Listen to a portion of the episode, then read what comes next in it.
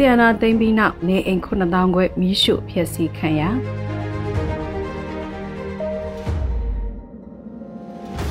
မြန်မာနိုင်ငံမှာဆီယနာသိမ်းပြီးနောက်နှစ်နှစ်ခွဲကျော်ကာလအတွင်းရတအစာအုပ်9000ခွဲကျော်မိရှုဖျက်ဆီးခံခဲ့ရတယ်လို့ခုရက်ပိုင်းကုလသမဂ္ဂလူသားချင်းစာနာမှုဆိုင်ရာပေါင်းဆက်ညီနိုင်ရေးယုံ UNOCHA ယုံကထုတ်ပြန်လိုက်ပါတယ်။ရတအစာအုပ်လို့သုံးနှုံထားတဲ့စကားလုံးကိုရှင်းလင်းဖွင့်ဆိုရရင်လူနေအိမ်တွေ ဈေးဆိုင်စာသင်ကျောင်းဘုံကြီးကျောင်းဖျားကျောင်းပုဂ္ဂလိကလုပ်ငန်းအဆောက်အုံနဲ့ရုံးတွေပါဝင်တာဖြစ်ပါတယ်။မိရှုဖျက်ဆီးခံရတာရဲ့90ရာခိုင်နှုန်းကျော်အများစုကတော့ကျေးရွာတွေကနေအိမ်တွေဖြစ်ပါတယ်။မြို့အနေနဲ့ဆိုရရင်ထန်တလန်မြို့တစ်မြို့လုံးနီးပါးတစ်ချိန်ပြီးတစ်ချိန်မီးရှို့ပျက်စီးခံရတဲ့အဖြစ်အပျက်ကထင်ရှားတဲ့အဖြစ်အပျက်ဖြစ်ပါတယ်။ထန်တလန်ပြင်အခြားမြို့တွေမှာမီးရှို့ပျက်စီးခံရတာအရှိအတွက်အနှဲငယ်သာရှိမှဖြစ်ပြီးအများစုကစကိုင်းတိုင်းမကွေးတိုင်း တနင်္သာရီတိုင်းကရင်ပြည်နယ်ကရင်ပြည်နယ်နဲ့ရှမ်းပြည်နယ်တွေကအချို့ဒေသတွေဖြစ်ပါတယ်။နေမီးရှို့တဲ့လူရက်ကိုအများစုကျူးလွန်တဲ့အဖွဲ့ကစစ်ကောင်စီရဲ့လက်နက်ကင်တပ်တွေဖြစ်ပြီးနေငယ်များသောအရေးအတွက်တွေကတော့ကျေးရွာတွေမှာပဲစစ်ကောင်စီဘက်ကိုထောက်ခံသူတွေရဲ့နေအိမ်တွေကိုလက်တုံပြန်ပြီးရှို့ဖျက်ဆီးတာတွေဖြစ်နိုင်ပါတယ်။စစ်ကောင်စီကတော့ကျေးရွာတွေကနေအိမ်တွေမီးရှို့ခြင်းကိုမဟာဗျူဟာတရက်အနေနဲ့လှုံ့ဆော်တာဖြစ်ပြီးစစ်ကောင်စီကိုလက်နက်ကိုင်းဆန့်ကျင်တဲ့ PDF တွေဖွဲ့စည်းထားတဲ့ကျေးရွာ ထောက်ခံအားပေးတဲ့ကျေးရွာစစ်ကောင်စီတပ်ကိုချောင်းမြောင်းတိုက်ခိုက်တာမိုင်းခွဲတိုက်ခိုက်တာကျေးရွာနီးမှာဖြစ်ပွားခဲ့ရင်ကျေးရွာအနေနဲ့တာဝန်ရှိတယ်ဆိုတဲ့သဘောနဲ့ပြည်တန်းခတ်တဲ့အနေနဲ့မီးရှို့တာဖြစ်တယ်လို့နောက်တစ်ချက်ကနေအိမ်တွေစပါပယ်စတဲ့ရိတ်ခါတွေကိုပါမီးရှို့ဖျက်ဆီးပြီးစစ်ကောင်စီကိုစန့်ကျင်တိုက်ခိုက်နေတဲ့ PDF တွေ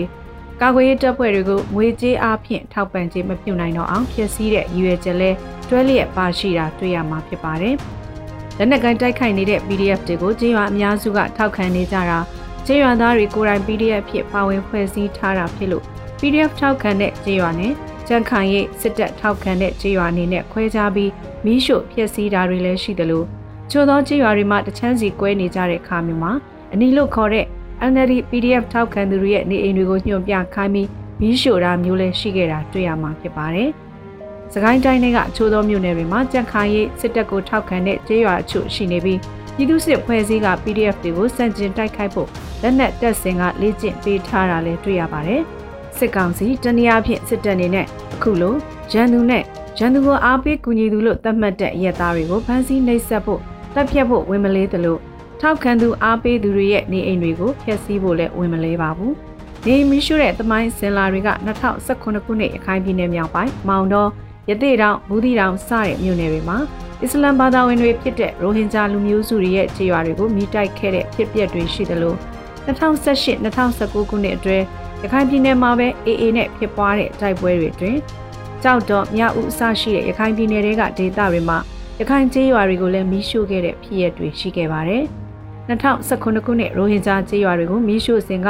ဆိုရန်ကထုတ်ပြန်တဲ့သတင်းတွေထဲမှာ ရိုဟင်ဂျာတွေက၎င်းတို့နေအိမ်တွေကို၎င်းတို့ဘာသာမီးရှို့ပြီးထွက်ပြေးတိမ်းရှောင်သွားတယ်ဆိုပြီးစစ်တပ်ဘက်ကထုတ်ပြန်တဲ့သတင်းတွေကိုကိုကားကဖော်ပြခဲ့ကြမှုပါတယ်။အလားတူ2018-2019ခုနှစ် AA နဲ့ဖြစ်ပွားတဲ့တိုက်ပွဲတွေအတွင်းကြောက်တော်မြို့အနီးကဘုရားပေါင်းကျေးရွာမိရှုခံရတဲ့ဖြစ်ပျက်မှာလဲစစ်တပ်ရဲ့လက်ချက်ဖြစ်တာကိုနိုင်ငံပိုင်သတင်းမီဒီယာတွေကဖုံးကွယ်ဖော်ပြခဲ့ကြဘူးတာလည်းဖြစ်ပါတယ်။ဒီအဖြစ်အပျက်တွေမတိုင်ခင်ဆယ်စုနှစ်တွေမှာတော့90ခုနှစ်လယ်ပိုင်းကာလတွေမှာ ရှမ်းပြည်နယ်တောင်ပိုင်းရှေ့ပိုင်းတွေမှာကျေးရွာတွေအများအပြားကိုနဝတစစ်တပ်ရဲ့စစ်စင်ရေးအတွက်မိရှုဖျက်ဆီးခဲ့တဲ့ဖြစ်ပျက်တွေရှိတယ်လို့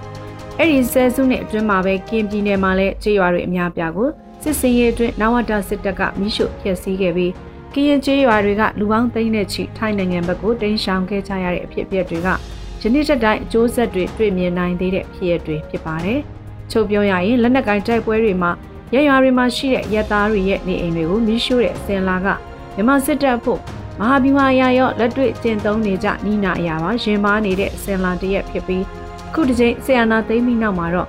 တနိုင်ငံလုံးမျက်မြင်ကိုယ်တွေ့ကြုံကြရတဲ့ဖြစ်ရတစ်ခုဖြစ်လာတာဖြစ်ပါတယ်ရှင်။